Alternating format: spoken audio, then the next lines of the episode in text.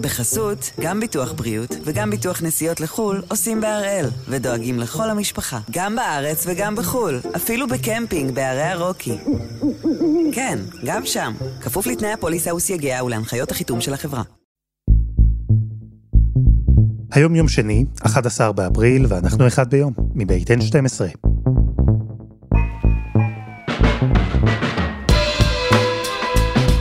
אני אלעד שמחיוף, אנחנו כאן כדי להבין טוב יותר מה קורה סביבנו, סיפור אחד ביום, כל יום.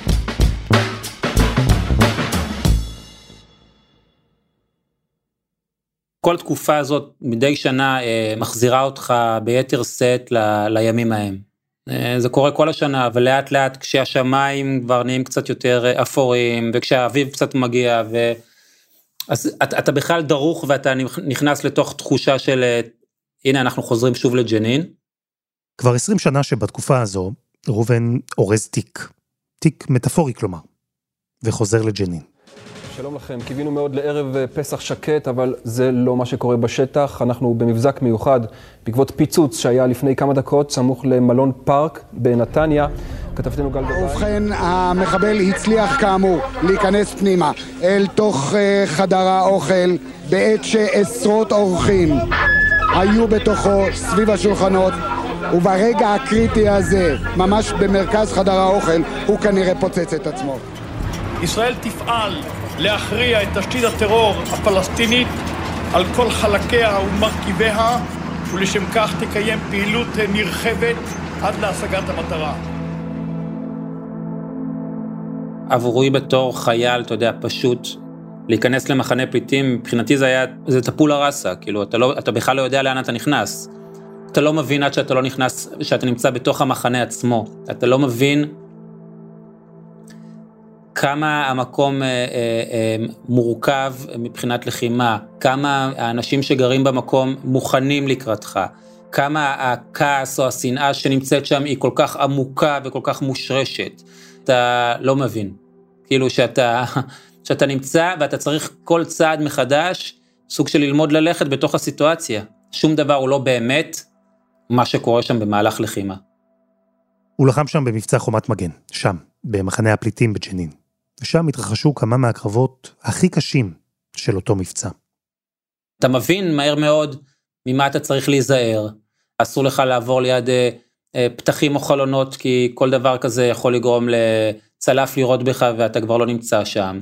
אה, אתה לא יכול לצאת לסמטאות או לרחבות, אני מדבר רחובות, זה מדבר על, על משהו שאתה שולח אה, זוג ידיים ואתה כבר מגיע מבית לבית, על זה מדובר, על רחוב. מצד אחד יש את האוכלוסייה המקומית שחלקה החליטה להישאר שם, ירו עלינו ממקומות שלנו אסור להחזיר, מסגדים, בתי חולים, דברים שכאילו לא עולה על הדעת מבחינתנו לירות עליהם או לפוצץ אותם.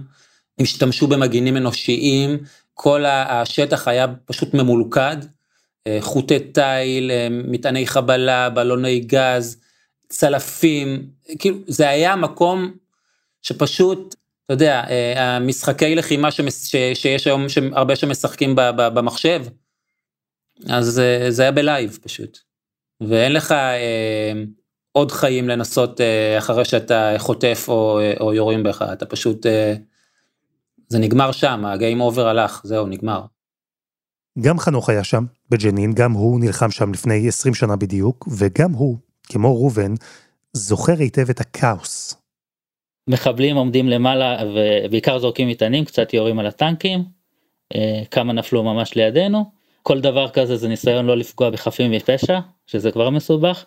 דבר שני זה כוחותינו, זה להימנע מירי דו צדדי, וכל הזמן צריך לחשוב על זה. אני אישית כמעט אה, יריתי, הייתי קלה, פשוט היה לי בתוך הכוונת חייל, ובשנייה האחרונה אה, חדלתי, אמרתי לכולם חדול, כי, כי זה לא, כי זה חיילים. ובעצם הדבר השלישי שהכי מסוכן בעצם זה לא, לא להגיע לסיטואציה כמו שאנחנו, שאתה בשטח השמדה ובעצם אה, מתחילים לך נפגעים. ואנחנו חוזרים היום עם חנוך ועם ראובן לג'נין כי צה"ל חזר לג'נין. כבר יומיים שחיילים פועלים שם, יומיים שמתנהלים שם חילופי אש, שמדברים בצה"ל על חומת מגן 2. אז אנחנו חוזרים איתם לשם, עם האנשים שנלחמו באותו המקום אז בחומת מגן. כמה שזה מוזר, כל התקופה שלי במהלך המחנה הייתה לי תחושה מאוד חזקה שמשהו נורא הולך לקרות. והתגברה מיום ליום, וברגע שזה כבר קרה, איכשהו, אה, זה כאילו היה איזה סוג של אישוש לתחושה הזאת, ואיכשהו הבנתי שזהו, הנורא מכל כבר היה, ומפה אני רק צריך לדעת איך לצאת. לג'נין היה אז מוניטין ברור. דיברנו כאן אתמול על העיר, ובעיקר על מחנה הפליטים שבה, עם אוהד חמו, וגם ראובן וחנוך ידעו שהם הולכים לקראת קרבות קשים, לקראת אתגר גדול. והתחושה הזו, שראובן מתאר, תחושה הולכת וגוברת שמשהו רע הולך לקרות, זה כמובן טבעי במקום כזה. וזה באמת קרה. אני צריך את הקשר פנוי. אם אתה, יש לך איפה נמצאים בדיוק, נפגעו, אני זוכר שזה הייתה, כאילו חילופי אש, ופתאום התחלתי לעבוד על אוטומט והבנתי שכאילו אה, יורים לכיוון שלנו ואני צריך להגיב בחזרה. הם יורים אחד על הש... זה, זה, זה. שנייה, שנייה. כן, הם יורים, יורים, יורים. יורים, שלושים. תן לי את האיתור הזה. זה. תוך איזושהי קומה, יורים עליהם בחלון. המון רעש, בלאגן, פיצוצים, אה, ובשלב מסוים אני רואה איזה סוג של אלומה של אש מתקרבת אליי, אה, והיא פוגעת לי ברגל, ואני ישר מבין שנפצעתי, כאבי תופת, אבל אין לי זמן, אין לי זמן לכאוב, אין לי זמן... אה, כי אנחנו בתוך מלחימה ואתה פשוט צריך להמשיך להגיב, ואז מגיעים חברים שלי, החובש הפלוגתי, שניאור אלפסי ואייל צימרמן שאחרי זה נהרג, ושמים לי חוסם עורקים על הרגל וגורם אותי לנקודה קצת אה, פחות חשופה, ואני ממשיך אה, גם עם הפציעה להתחיל להמשיך לחפש לאן לראות ולאן לחפות, כי בעצם הלחימה ממשיכה. אנשים צועקים שהם נפגעו, אנשים מחלצים את עצמם, אחרי זמן מסוים קוראים לי ואומרים שמישהו בא לחלץ אותי, ואני גורר את עצמי לנקודה הזאת, ובמהלך אה, אה, ממש שניות, במהלך שהוא בא לחלץ אותי, הוא מוריד ממני את הנשק והוא רוצה לשאת אותי על הכתפיים שלו, שנייה לפני הוא, הוא חוטף כדור ונהרג, ואני מבין ששוב, שיש המולה של אש ובלאגן ואין לי את ה... אין לי את, כנראה את המשאבים הנפשיים ואת הזה, אה, לחשוב על מה שקורה או, או להיבהל או להיות, אני פשוט עובד על אוטומט כל הזמן, חוזר לאותה נקודה, בעצם שומע קולות בערבית שבאים אה, לספור אותנו ואני נאלץ כאילו להשתמש ברימון שבאפוד שלי בשביל, אה, בשביל לנסות להתגונן או לא לתת להם לקחת אותי ללא, ללא לחימה. הם לא מגיעים עד אליי, הם לקחו שלוש חבר'ה שלנו שנהרגו וניסו למלכד אותם. אה, וזהו, ולאחרי כמה זמן אה, מגיעים אנשים ופשוט אה, חבר'ה מהזה, מהחיילים ומחלצים אותי. והיום חנוך, ראובן ויתר החיילים הצעירים שנלחמו אז בחומת מגן בג'נין, הם רואים את התמונות שיוצאות משם. רק שעכשיו הם כבר לא חיילים צעירים, הם הורים, וחלקם הורים לחיילים צעירים. חיילים צעירים ששוב נשלחים לשם להילחם כדי לעצור גל טרור. רק בשבת הקפיצו את הבן שלי, הוא כרגע בגולני, לדרום הר חברון. והתחושה היא שכאילו אתה איזה סוג של איזה סוג של מציאות שאנחנו כנראה לא החכמנו מספיק לדעת איך לצאת מתוכה. בסופו של דבר כשאתה מגיע למציאות מלחמה היא משהו שאתה לא יכול לשלוט פה באמת. היא שולטת בך. ובגלל זה אתה יודע אף אחד לא באמת יוצא מנצח ממלחמות, בדרך כלל כולנו מלקקים את הפצעים שלנו.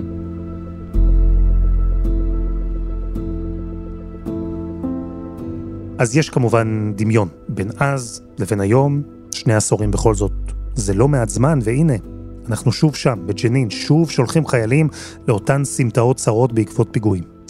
אבל יש גם הבדלים. הבדלים באופי הפעולות, בנסיבות שהובילו לפעולות האלה. אם אז ישראל הלכה למבצע רחב, אם ראובן וחנוך היו בג'נין שבוע וחצי רצוף באותו פסח של 2002, אז הפעם, בגל הזה, עדיין לא ברור איך נלחמים. אבל קודם, חסות אחת, וממש מיד חוזרים.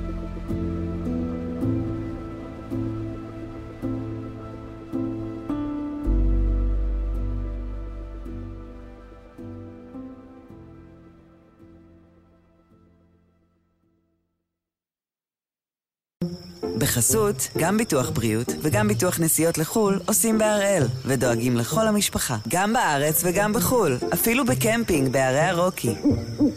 כן, גם שם, כפוף לתנאי הפוליסה וסייגיה ולהנחיות החיתום של החברה.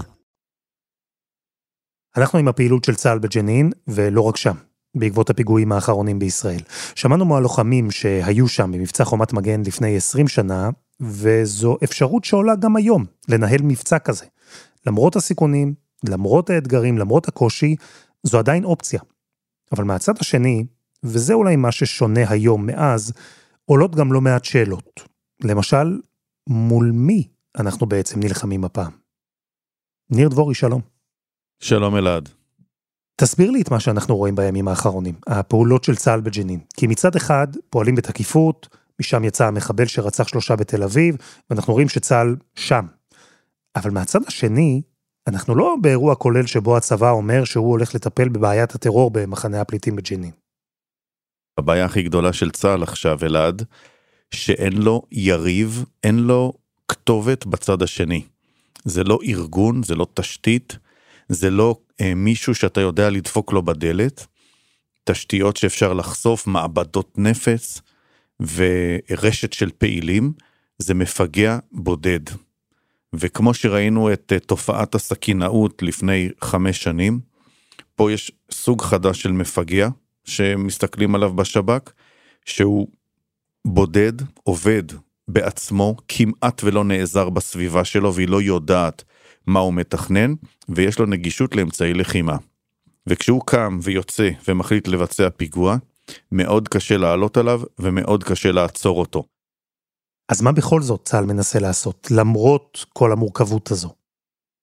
הצבא, אל מול הבעיה הזו, שהיא בעיה אמיתית, הוא בעצם מנסה לפעול אה, בשני רובדים. דבר ראשון, לחזק מאוד מאוד את קו התפר ולנסות למנוע מעבר שם. אבל תשמע, זה כמו כיפת ברזל. היא מיירטת 92% מהרקטות, אבל 8% נופלים על הקרקע. וגם כאן, סגרת את קו התפר, אבל עשרות בודדות ביום מצליחים לחדור, ואחד מהם היה המנוול שהגיע לתל אביב. ולכן אתה עושה על זה עוד רובד נוסף של פעולה, להגיע אליהם הביתה. לפעול על בסיס מודיעין אם יש לך, בתוך מחנה הפליטים של ג'נין, בתוך ג'נין עצמה, ואז המעצרים האלה יכולים לנסות ולשבש או לסכל את הניסיונות לצאת ולבצע פיגועים. חמושים יוצאים כדי למנוע ממך לבצע את המעצרים, אתה הורג אותם. ואז אתה מעסיק אותם בביתם, אתה אה, מתחכך איתם בחיכוך מאוד מאוד גבוה שם, וזה אמור לנסות ולמנוע את מאמצי ההגעה שלהם אליך. אם אני לוקח את האחוזים שאתה מדבר עליהם, דבורי, 92 אחוזי הצלחה, ואני מסתכל בסך הכל על השבועיים האחרונים, עם ארבעה פיגועים מאוד קשים. אפילו אם אחוזי ההצלחה כאן נמוכים יותר. מה, אלו הפרופורציות? יש כזו כמות עצומה של פיגועים שאנחנו מצליחים לסכל? נכון, נכון, זה בדיוק העניין. היו לא מעט פיגועים שסוכלו במתווים דומים, והיכולת של המודיעין, של שב"כ, של 8200, של הצבא, של הימ"מ להגיע אליהם, עצרה את זה, ואלה הם אלה שזלגו, לא צריך להקל בזה ראש, כי אנחנו רואים מה, מה טרור או מה פגיעה במרכז תל אביב או במרכז באר שבע יכולה לעשות לביטחון ולתחושת הביטחון של האזרחים. אני חושב שזה אה, בראייתם הישג. הם הצליחו להביא הישג ואנחנו פחדנו בביתנו. ולכן הצבא עכשיו עושה מאמץ לשבור את גל ההשראה. אבל צריך להבין, ככל שאתה מעלה את החיכוך בג'נין, ואתה מערים גופות של מחבלים, אתה לוקח סיכון שזה ידליק את יהודה ושומרון ואפילו יחמם ויכול להדליק את הרצועה. ולכן ישראל מתעסקת עכשיו באיזשהו fine tuning עדין, אה, שבו היא אמורה לנווט ולנתב את הלחימה בטרור, אבל זה אתגר עצום, אין ספק. ואל מול האתגר הזה, אנחנו שמענו בימים האחרונים בכירים במערכת הביטחון שמדברים על אפשרות של חומת מגן 2. ושמענו מקודם גם את הלוחמים שלחמו שם, בג'נין, בחומת מגן הראשון, לפני 20 שנה. מה שהיה נכון אז, הוא נכון גם היום? או אתה יודע מה, אני אשאל את זה אחרת. מה שעבד אז, יעבוד גם הפעם? חומת מגן הייתה מתאימה אל מול האיומים שהיו אז, התקוממות רחבה של כל האוכלוסייה הפלסטין ביהודה ושומרון, עם מעבדות נפץ ומתאבדים, ובעצם אה, מאות ואלפים שקמו להילחם אה, בצה"ל.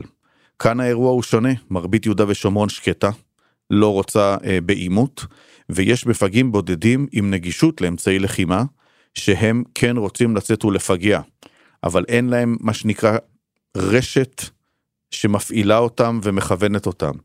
ולכן עושים את מה שאתה רואה עכשיו, זיהו שמרכז הכובד הוא ג'נין, משם יצאו המפגעים האחרונים. בואו נרכז מאמץ על ג'נין, מה אנחנו יכולים לעשות כדי לשבור אותה, ו- ואחד הדברים הוא גם שזה יכול להיות מקרה בוחן לאוכלוסייה הפלסטינית בכל יהודה ושומרון. שאתה לא חושש להיכנס לג'נין ומחנה הפליטים של ג'נין, לא הארי, באמצע היום, באור יום, חמוש, מוכן להיתקל במחבלים ולהרוג אותם, ואולי משהו שהם חשבו שלא תעיז. אז הפעולה, למשל, שהייתה בסוף השבוע בג'נין, היא בדיוק כזו. נכנסים, לא חוששים, ומראים לצד השני שמוכנים להתחכך, מוכנים להיכנס להיתקלות, מוכנים להיכנס ללחימה, כי הסיפור הזה של אה, אה, הוצאת הפיגועים מג'נין לא מקובל ולא לא יימשך. והם יבואו ויראו, אם ככה מרכזים מאמץ על עיר אחת בסדרה של מבצעים מדויקים, זה משהו שיכול להצליח ולשבש, וגם יקרין על המרחב בהיבט של אה, אוקיי, אנחנו רואים שהם עושים פה ריכוז מאמץ וזה מצליח להם, אז אנחנו אה, אולי ניקח צעד אחד אחורה. יש מקום שלא דיברנו עליו, ואני אה, תוהה אם זה בגלל שהוא מחוץ למשחק הפעם, או שפשוט יש בעיות בוערות אחרות במקומות אחרים. והמקום הזה הוא עזה. במערכת הביטחון, רואים בכלל את עזה כמעורבת בגל הטרור הנוכחי? הפיגועים הרי לא יוצאים משם, בעזה לא מלבים את המצב בירי רקטות לישראל, בינתיים לפחות, אבל כן ראינו חגיגות ותשבוכות שיוצאות משם על כל פיגוע. אנחנו רואים אה, משהו מאוד uh, מעניין. אנחנו רואים שמצד אחד יש uh, uh, ניסיון לבדל את עזה ולא להיכנס או, uh, אל מולה אל עימות נרחב, אבל אתה רואה שעזה יש לה מוטיבציה כרגע כאילו לשבת בשקט על הגדר, אבל היא מחממת את יהודה ושומרון. נוח לה מאוד לעשות את המשחק הכפול הזה. והשאלה כמה ישראל תגלה את הסבלנות ותגיד לעצמה, אוקיי, אני אה, מוכנה להכיל את מה שעזה עושה כי יש לי שם שקט, אבל היא מדרבנת לי פיגועים ביהודה ושומרון ובלב ערי ישראל, והיא גם מנסה לגייס את ערביי ישראל. ועד הרגע שאתה תגיד שאני מוכן על פיגוע שקרה לי בתל אביב, עם מפגע שיצא מג'נין, לתקוף בעזה. כי אתה מבין שהמקור וההשראה הגיע משם. ואתה אומר, אני מוכן להכיל את זה בשלב הזה, אבל יכול להיות שהרגע הזה של ההכלה ייגמר, יש לו משמעויות גדולות מאוד, כניסה לסבב בעזה, יש פה היבטים אסטרטגיים גדולים, אה, יש פה גם אולי ניצול הזדמנויות. אה, בינתיים הרצון לשקט משני צידי הגדר בעזה ובישראל נשמר, ואנחנו ראינו רק לפני שנה איך כשאתה נכנס לאיזשהו מצב של הידרדרות, אתה בסוף אה, לא מצליח לבלום אותו ואתה בתוך סבב. ובינתיים שני הצדדים בולמים את זה, וזה יכול אה, להסתיים. אז מה בעצם עושים? מה האסטרטגיה? כלומר, מערכת הביטחון לא רוצה להסלים את המצב בשטחים ובעזה, לא ממהרים להפוך את מה שבינתיים נראה כמו רצף של פיגועים אקראיים, אין איזה ארגון אחד שמתכנן את הכל, אז לא רוצים להפוך את זה למבצע כולל. אבל מהצד השני, כמה זמן אפשר לתת למצב הזה להימשך, רק כי אין איזה אויב אחד שאתה יכול לסמן כמטרה? אני חושב שזה בדיוק ניהול הסיכונים שאתה לוקח, כי אה, תקיפה נרחבת, כמו חומת מגן של, אה, שראינו בעבר, כניסה לתוך העיר עם כוחות גדולים, עם הרס רב ונזק רב, זה מייצר גם בצד השני נזק, וגם אתה מגדיל את הסיכוי של האנשים להיפגע, ואתה שואל את עצמך, אם בה, אה, במאזניים האלה של אה, רווח והפסד, מה נכון ומה עדיף עכשיו. ועכשיו במערכת הביטחון מאמינים שסדרה או רצף של פעולות מאוד נקודתיות אבל נחושות, בלי לחשוש לגבות מחיר, זה מה שיכול להביא את השינוי ויכול לשבור את אה, גל ההשראה, ויכול להיות שאם זה לא יצליח, ייכנסו לדברים נרחבים יותר. אבל בינתיים מאמינים שזה אה, יביא את התוצאה הנכונה, וגם לא יסבך אה, את אה, ישראל בכניסה למערכה רחבה יותר מול יהודה ושומרון וגם מול עזה.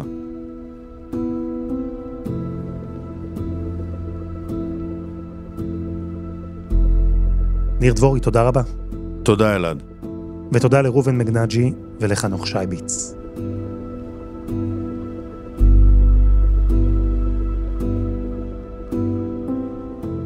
וזה היה אחד ביום של N12. אנחנו מחכים להמשיך את השיחה איתכם גם בקבוצה שלנו בפייסבוק, פשוט חפשו אחד ביום, הפודקאסט היומי. העורך שלנו הוא רום אטיק, תחקיר והפקה עדי חצרוני, רוני ארני ודני נודלמן, על הסאונד יאיר בשן שגם יצר את מוזיקת הפתיחה שלנו, ואני אלעד שמחיוף, אנחנו נהיה כאן גם מחר.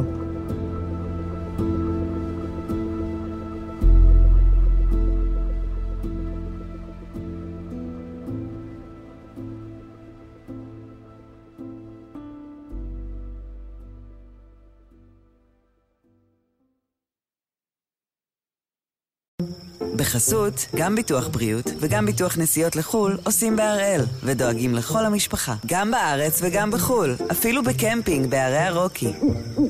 כן, גם שם, כפוף לתנאי הפוליסה וסייגיה ולהנחיות החיתום של החברה.